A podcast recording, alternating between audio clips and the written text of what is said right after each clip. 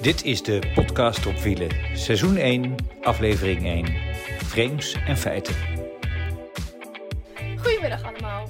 We zijn hier vandaag in het prachtige natuurgebied De Biesbos in Zuid-Holland. Ik ben Jozan en ik ben hier met Aniek, Daniek en Ivanka. Wij zijn vier communicatieprofessionals in SP en gaan jullie vandaag alles vertellen over framing. Deze podcast is te beluisteren via Spotify, Apple en Google Podcast. Dan kan je gewoon lekker een rondje door het park gaan lopen of je kamer gaan opruimen terwijl je dit luistert. Maar als je nou super benieuwd bent naar hoe we er op dit moment bij zitten, dan is deze podcast ook te bekijken via YouTube. Misschien handig om meteen even een kleine disclaimer te geven. Alle aanwezigen vandaag hier in de bus zijn vooraf getest op corona. Want dat is waar we nu zitten, in een bus. De Bankabus is het mobiele kantoor van het communicatiebureau Banca Media. Met deze omgebouwde camper staan zij iedere dag in een andere omgeving en werken zij met een ander prachtig uitzicht. En vandaag is dat dus de Biesbos. Oh ja, en blijf vooral even kijken of luisteren tot het einde van deze podcast. Want dan kom je erachter wat je moet doen om kans te maken op de Polaroid camera en hoe je dus mee kan doen aan de winactie. Zoals ik al zei, gaan we het vandaag hebben over framing. Framing is letterlijk inkaderen. Het betekent dat je een deel van de werkelijkheid laat zien. Het frame bepaalt hoe we de kern van de boodschap zien. We gaan dit doen aan de hand van een aantal stellingen. En de eerste stelling gaat over framing in de politiek.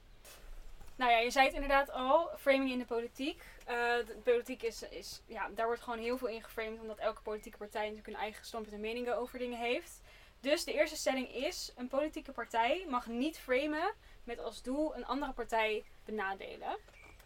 Nou, ik ben het daar zelf wel mee eens, omdat ik toch wel van politici verwacht dat ze altijd eerlijk en transparant zijn.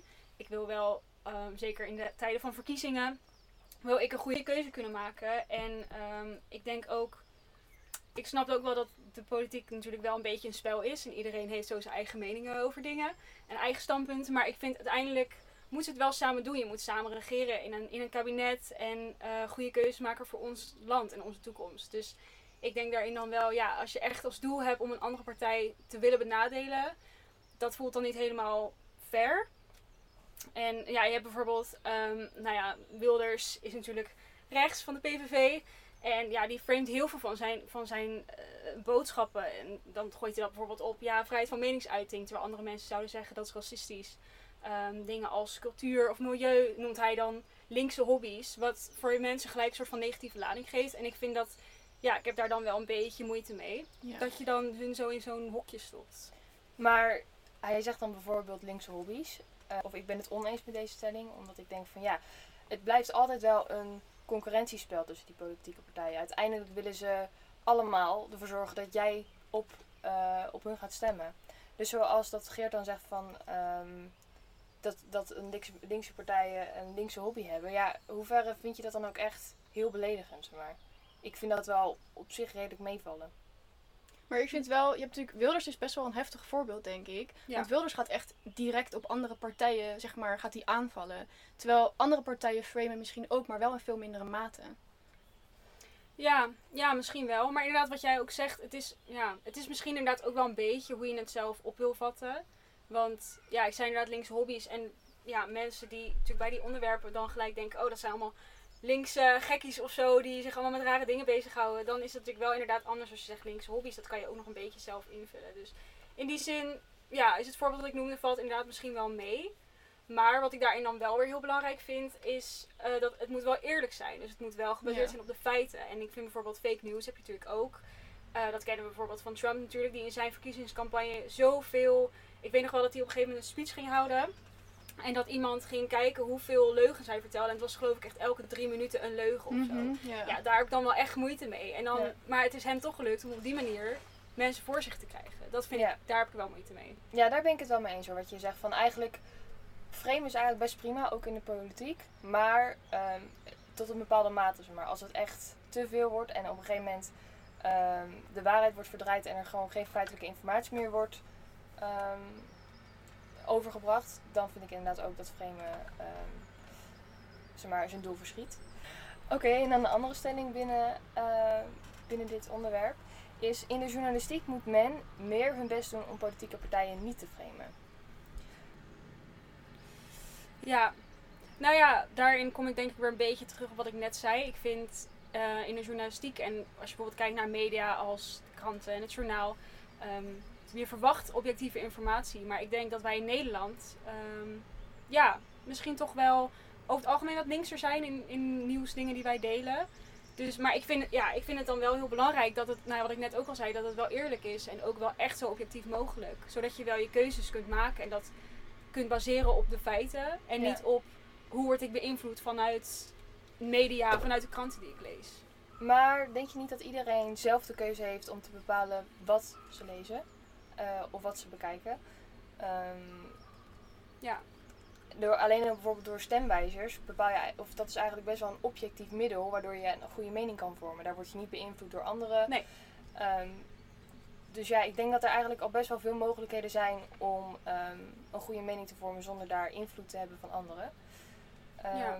En ook op het gebied van kranten, inderdaad, wat je net ook al zei over dat de ene krant wat rechtser is en de andere wat linkser, kan je daar denk ik ook zelf in bepalen welke krant je dan leest. Dat je Dat zelf waar, bepaalt ja. van. En dat kan ook een, een toevoeging zijn voor mensen. Die bijvoorbeeld, als je al weet, nou ik lig meer naar rechts, ehm, dat je dan ehm, eerder de Telegraaf gaat lezen dan de Volkskrant. Ja.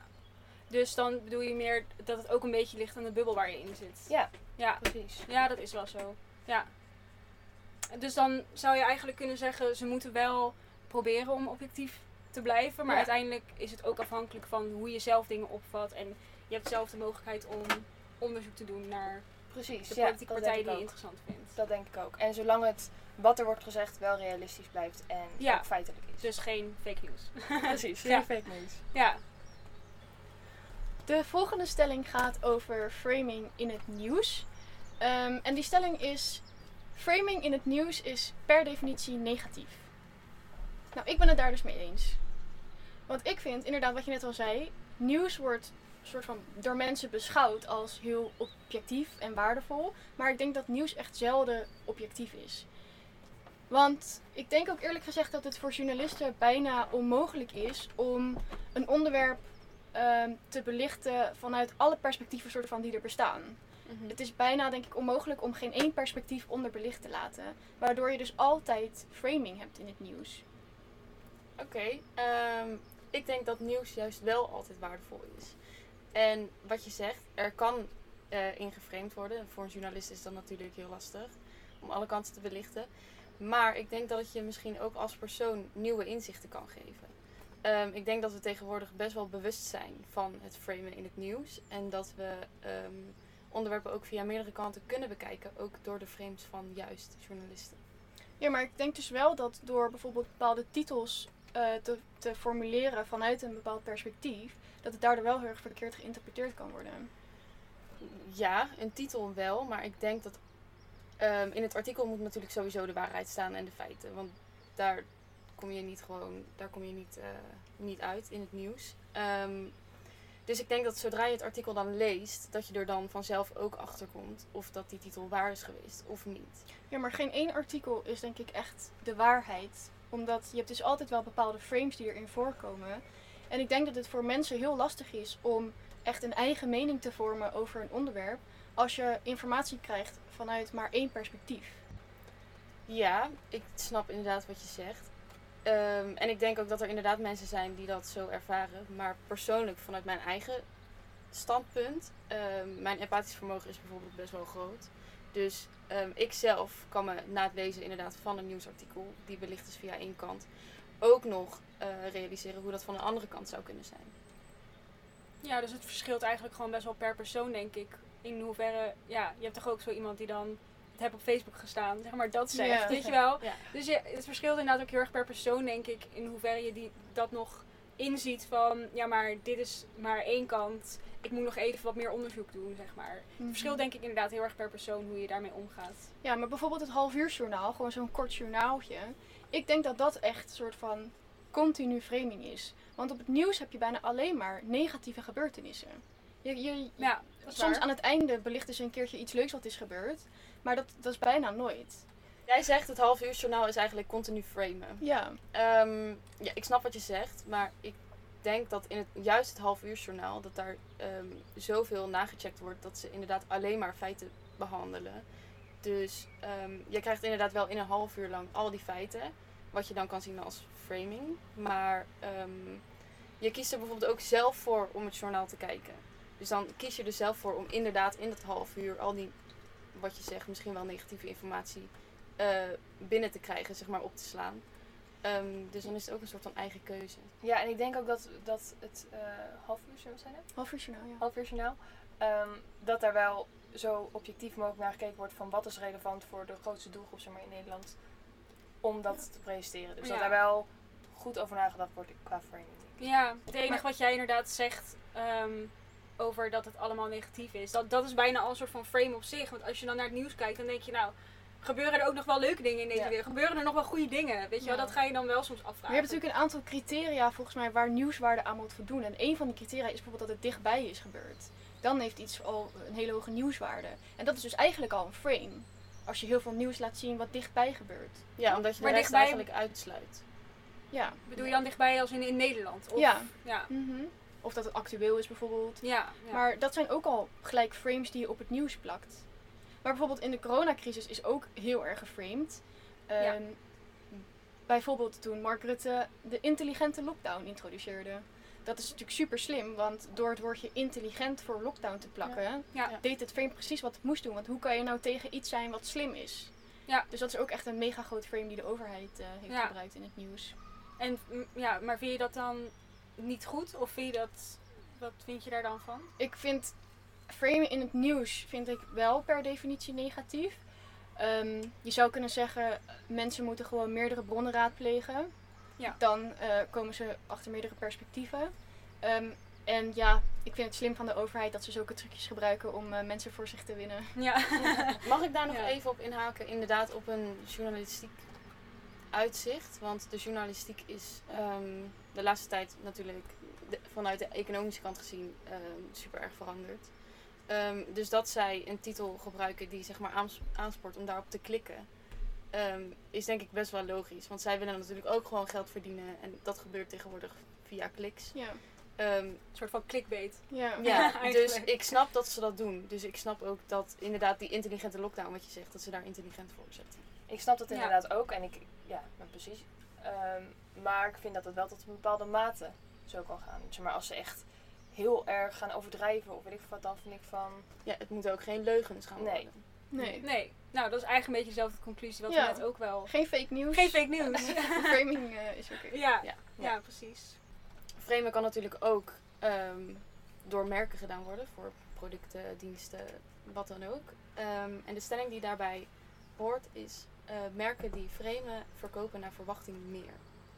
Ehm, ik zelf ben het daarmee eens. Ehm, als ik bijvoorbeeld in een supermarkt loop ehm, en ik zie een product en daar staat op: er zit 90% minder vet in dit vlees, dan zou ik het eerder kopen dan ehm, als ze het omdraaien. Dus dat ze zeggen: er zit slechts 10% vet in. Hm. Want, Ja. dan, want dan denk ik toch van ja, maar er zit wel 10% vet in. Ja, ja oké, nou, daar ben ik het inderdaad ook mee eens. Maar eh, om een voorbeeld te noemen, eh TikTokjes weet je wel, kleine snoepjes. Daarin staat gewoon op dat ze suikervrij zijn. Maar iedereen weet eigenlijk wel dat zulke snoepjes, dat is niet suikervrij. Maar omdat er zo'n weinige mate eh, aan suiker in zo'n snoe- snoepje zit, hoeft, het merk hoeft het niet te vermelden op de verpakking. Dus dan kan er wel staan van, dit snoepje is suikervrij. Mhm. Maar ja, in hoeverre is dat waar? Dus daarin vind ik het framen voor producten. Ik snap dat het meer omzet kan verdienen, maar ik vind het altijd wel een beetje tricky. Omdat je niet precies weet in hoeverre is zoiets nou waar. In hoeverre het waar is. Ja. Ja. En ik denk, ehm, om terug te komen op de stelling, dat als je daar als concurrentie op inspeelt, dat ehm, je als concurrentie van bijvoorbeeld TikTok inderdaad, ehm, dat je eh, op die frame in kan spelen en dan als die concurrentie inderdaad ook meer zou kunnen verkopen. Omdat Door- je eigenlijk het product van de concurrent in een ander daglicht weerzet. In een negatief Ja. daglicht. Ja. ja. Maar aan de andere kant kan je dat dan ook weer zien vanuit TikTok. Vanuit TikTok is dat dus juist een negatief iets. Dus doordat je je eigen product framet, krijgen concurrenten de kans om daar weer op door te framen. Dus in dit verhaal ligt het er eigenlijk aan. Van Maar heb je een voorbeeld? kijk je? Nou, bijvoorbeeld, ehm, ja, TikTok. Daar kan de concurrent ook op inspelen. Dat er inderdaad wel suiker in zit. Of inderdaad dat vet in dat vlees. Dat er wel 10% vet Mhm. in zit dan. Dus dat je die frame eigenlijk omdraait. Maar dat dan an- bedoel je dan dat andere Dat andere merken, merken, gaan daar- zeggen van, maar daar zit wel 10% vet in of zo. Ja, je, dus je hebt die- bijvoorbeeld wel Ja. eh, van Dreft. Heb Ik je wilde net zeggen Oh, ja. Ja, precies. In die advertenties bedoel je. Dat ze echt Ja. zeg maar, specifiek met een ander eh, zeg maar, B-merk vergelijken. Die dan eh, veel groter zijn, die flessen. Maar dat als Dreft alsnog als kleine fles veel langer meegaat. Ja, Dat is zeg maar zo'n specifieke frame eh, vergelijking. Ja, precies. Dus aan Ja. de ene kant kan framen dus voor zo'n merk heel positief uitvallen. Want je kan vergelijken met de concurrent en zeggen van... Ik ben dus beter omdat dit. Maar aan de andere kant is het voor die concurrent juist een negatief standpunt. Ja. Of een negatief iets. Maar wat vinden jullie dan daarvan van zo'n advertentie eh, of zo'n commercial van Dreft? Dat ze echt zo, want ze noemen natuurlijk geen namen, maar het is wel bijna een beetje belachelijk maken Mhm. eigenlijk. Wat vinden jullie daar dan van? Dat, kan, kan dat, zeg maar? Nou, Is dat om- omdat, er, omdat er geen naam wordt genoemd. Zeg maar niet dat, eh, weet ik veel, dat eh Red Band echt zegt, ja, TikTok, eh, dat is echt, Ja. die, die is ongeloofwaardig. Vind ik op zich wel dat het kan. Alleen moet ook zo'n merk, zo'n Dref, moet wel geloofwaardig blijven aan wat ze zeggen. Het is Ja. misschien wel een klein beetje oneerlijk. Want ik denk dat die B-merken een veel kleiner budget hebben. Bijvoorbeeld om daar weer een tegenactie op te maken. Ja, Maar vanuit Dreft gezien is het natuurlijk super slim. ja. Ja. dus voor hun is het inderdaad wel een hele goede En voor marketing hun eigenlijk. zorgt dit waarschijnlijk wel voor meer verkoop. Ja, Wat je ehm, ook nog zou kunnen doen, inderdaad, als framing op je product, is dat je het product via meerdere kanten framet. Dus dat je meerdere positieve aspecten van het product, zeg maar, eh, belicht. Ik denk dat je ehm, daar dan een grotere doelgroep mee aantrekt. Want de ene is bijvoorbeeld geïnteresseerd in minder procent vet, de andere in calorieën, dat soort dingen. Dus als je meerdere dingen belicht, dat je een grotere doelgroep aantrekt en dus ook uiteindelijk meer kan verkopen. Ja, ben ik het op zich ook wel mee eens. Omdat inderdaad de concurrentie dan ook minder kans heeft om je gelijk de grond in te boren. Alleen denk ik wel dat een merk dan goed ook weer die geloofwaardigheid moet behouden. Want Ja. als je heel vaak gaat zeggen, ja, en ik ben, heb minder, of ik heb minder vet. Ehm, er zit minder vet in mijn product, ehm, is beter voor je cholesterol, dat soort dingen allemaal. Ja, op een gegeven moment is dat ook ongeloofwaardig. Ja, Dus jij ik- zegt als het te veel wordt, dan Ja. geloven mensen het niet meer en dan werkt het juist tegen je. Ja. Dus Ja. tot een bepaalde mate framen voor, voor een merk, denk ik inderdaad wel dat het ehm, meer omzet kan genereren. Oké. ja. Dus dat Ja. is. ja. Als het maar geloofwaardig blijft. Ja, zeker bij bijvoorbeeld ehm, dingen die dan duurzaam of vegan zijn of zo. Ja. Ik denk dat dat wel, want daar heb je dan wel weer dat producten toch wel vaak daar echt op gaan focussen. Van wij zijn vegan en wij zijn duurzaam, omdat dat natuurlijk ook weer een bepaalde groep aantrekt. Dus Ja. ja, ja. Nee, ik denk inderdaad ook wat jij zegt, dat het wel kan. Dus eigenlijk de balans moet gewoon goed zijn. Ja, Ja. De laatste stelling gaat over influencers. En de stelling is: ehm, influencers geven een vertekend beeld van de werkelijkheid. Wat vinden jullie daarvan? Ja, ik ben het daar sowieso wel mee eens, denk ik. Ja, Ja. dat denk ik. Ja. En jij? Nou, ik ben het daar dus ook mee eens. Ehm, ik denk dat het algemeen bekend is dat influencers echt alleen maar de mooie momenten delen op social media. Eh, in wat voor dikke auto's ze rijden en op wat voor mooie stranden ze liggen en hoe perfecte relaties met hun partner. En ehm, slechte momenten worden bijna nooit gedeeld. Dus automatisch schets je daardoor een vertekend beeld van de werkelijkheid. Want ik denk dat het echte leven van die influencers die bestaat echt niet uit, alleen maar mooie momenten. Maar ja, dat ga je niet, de slechte momenten, die delen ze niet op Instagram of. Ja, mm, dat is, ja, deels is dat denk ik zeker zo. Maar je ziet ook wel weer dat daar heel veel kritiek op komt. Juist bijna een soort van tegenbeweging van die, ehm, bijvoorbeeld Instagram versus reality. Dat heel veel mensen dan eerst iets posten van, van, oh ik sta zo mooi in een bikini op het strand. En dan de volgende foto is een foto dat ze, nou ja, gewoon zitten, gewoon normaal, zeg Ja. maar. Ehm, dus dat zie je natuurlijk ook wel steeds meer. Dus ik denk wel, ik denk dat het wel zo was in ieder geval. Maar ik denk wel dat er steeds meer verandering in komt. Ja, het is ook een soort hype, toch? Om, om het Die tegenbeweging ja, ja, bijna wel. Bijna wel, inderdaad. Maar ik vind dat niet, ik vind dat wel goed. Want het is inderdaad wel een soort hype. Dus mensen denken misschien ook van, hé, als ik erbij wil horen, dan moet ik ook dat soort dingen plaatsen. Ja, dan kan je natuurlijk ook wel weer een beetje je vraagtekens erbij zetten. Maar ik vind het wel goed dat dat gebeurt. En wat je bijvoorbeeld ook wel steeds meer ziet, zeker nu we weer richting de zomer gaan, is de hele body positivity movement, zeg maar. Zo kan ik het wel noemen, denk ik. Ehm, dat mensen toch iets wat eigenlijk misschien voor hun iets negatiefs was, of dat ze onzeker zijn, dat ze dat juist gaan laten zien, maar er dan ook iets positiefs aan hangen. Bijna ook zo van ja, framen van, van, van body positivity. En, ja. ja, Ja. dat is eigenlijk ook een vorm van framing. Dus dat zie je ook weer steeds meer. Dus dat het eigenlijk iets is waar ze misschien onzeker over zijn, maar dat juist echt iets positiefs maken. Mhm. Dus ja, dat zie je wel steeds, steeds meer, denk Ja, ik. dat is inderdaad wel zo dat ehm, influencers ook steeds meer ehm, gaan delen als ze bijvoorbeeld even aan het huilen zijn of zo. Maar alsnog denk ik echt dat dat maar zo'n klein stukje is van de slechte momenten die ze hebben. Dat er nog zoveel meer is wat ze niet delen. Wat op zich logisch is, want je gaat niet heel je leven op Instagram gooien. Nee. Maar dat zorgt er dus wel voor dat je gewoon een vertekend beeld van je leven schetst voor je Ja. volgers. Maar misschien ligt dat ook wel weer aan de bubbel waar je in zit, denk ik. Want ik zie bijvoorbeeld ook wel weer heel veel mensen die nu juist heel erg, ehm, bijvoorbeeld op, nou ja, de dag die dan in het teken staat van depressie, van mentale gezondheid. Zeg maar, ik zie daar ook zoveel berichten over. Ja. Eigenlijk steeds meer, ook best wel veel celebrities die daar dan dingen over plaatsen. Dus misschien ligt het dan ook wel weer een beetje aan je bubbel. Want als je bijvoorbeeld alleen maar de Kardashians volgt, bijvoorbeeld. Dat is natuurlijk wel een extreem voorbeeld. Maar dan, dan zie je alleen maar de perfecte figuren. En oh, we hebben zo'n mooi leven en we hebben geld en we doen allemaal leuke dingen. Dus ik denk dat het ook wel ja, daar heel erg aan ligt in welk, ja, waar je op bent, wat je volgt en waar je op bent geabonneerd op YouTube bijvoorbeeld. Mhm. Daar ben ik het wel echt mee eens. Want ehm, als je inderdaad alleen maar beelden ziet van de Kardashians en hun lichamen, wat natuurlijk niet echt is ook sowieso. Nee. ehm, zelf word je daar gewoon heel onzeker van. Ja. En zeker als alles goed gaat in iemands leven en dan denk je ja, maar... eh, Nou, ik had daar toevallig- niet. Ja. Nee. Ik had daar toevallig pas iets over gelezen. Dat was eh, ook dus een, zeg maar, een Amerikaanse influencer was dat die zichzelf framede op social media als eh, dat ze superrijk was en dat ze echt het perfecte leven had, echt zo'n sprookjesleven. En toen waren eh, haar volgers er dus achter gekomen, want ze had zo'n foto gepost dat ze in een privéjet zat. Mhm. En toen waren haar volgers erachter gekomen dat ze dus een studio had afgehuurd.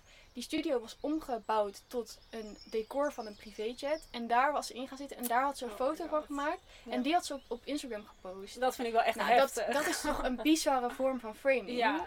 En dan Als kan je ik zo ver gaat. Dat Ja, is echt gewoon ja. de werkelijkheid gewoon verdraaien. Gewoon, er is Ja. niks van waar. Ik Nee, heb ook een keer dat eh, gehoord dat iemand, ehm, dat iemand deed alsof ze kanker had. En dan daarmee een soort van, ja, nou, een beetje medelijden opwekken eigenlijk. En dan Ja. dat ze dan daardoor allemaal dingen kon doen, want ze had kanker. En dat, dat gaat zo ver. Dat is echt, ja, ik vind dat wel heftig. Dat, vind- Ja. ja. dat vind ik wel Maar- echt heftig. Inderdaad, als die volgers daar dan achter komen, dan kan het dus ook enorm tegen je werken. Ja, want je hele imago is gelijk, je bent gelijk niet meer geloofwaardig. En dan is de vraag, hoeveel is dat vreemde nou waard? En een ander voorbeeld, Ja. kennen jullie de zanger Dotan? Ja. Ja, Die, ja, Heel zijn carrière is helemaal naar de knoppen gegaan omdat hij ook zo'n verhaal had gefaked. Ja. ja. Dus wel bizar wat framing eigenlijk met iemands carrière of überhaupt met iemand kan doen. Ja. En ook wat je ervan ziet. Want het Ja. is zo tricky inderdaad. Want je kan wel denken van, oh het is zo slim en ik ga dat Ja. doen. En dan komen mensen erachter. En inderdaad, dan, is, dan ben je gelijk niet meer, echt niet meer geloofwaardig. En bij die dood dan zag je dat inderdaad ook. En je ziet ook hoe lang dat kan duren voordat je weer een beetje bent waar je, Ja. waar je stond. Dat duurt, dat duurt zo lang. Dat duurt denk ik misschien wel jaren. Omdat je natuurlijk heel negatief in beeld komt. Ja, je Ja. moet natuurlijk dat vertrouwen weer terug gaan winnen. Ja, dat is dus- ontzettend lastig. Ja, dus de framing is inderdaad wel. Het gebeurt wel heel veel, maar je moet er ook wel inderdaad mee oppassen dat je je geloofwaardigheid niet verliest. Dus eigenlijk denk ik dat we concluderen uit eigenlijk bijna al deze Ja. stellingen is dat framen tot een bepaalde mate kan. Maar het moet wel de geloofwaardigheid behouden. Ja. En niet de feiten gaan verdraaien. Geen Ja. fake news, geen studio's bouwen of zeggen dat je kanker hebt terwijl je het niet hebt, want dat is gewoon, dat is echt liegen. En dat, dat gaat gewoon verder dan alleen een beetje framing. Dan is het eindelijk zover. We hebben namelijk een superleuke winactie. Jullie, kijkers of luisteraars, maken namelijk kans om deze allernieuwste Banca Blauwe Instax Mini 11 te winnen.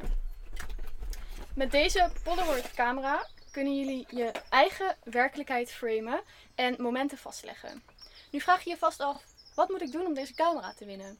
Nou, dat is dus eigenlijk helemaal niet zo moeilijk. Het enige wat jullie hoeven te doen is uh, volgen op Instagram.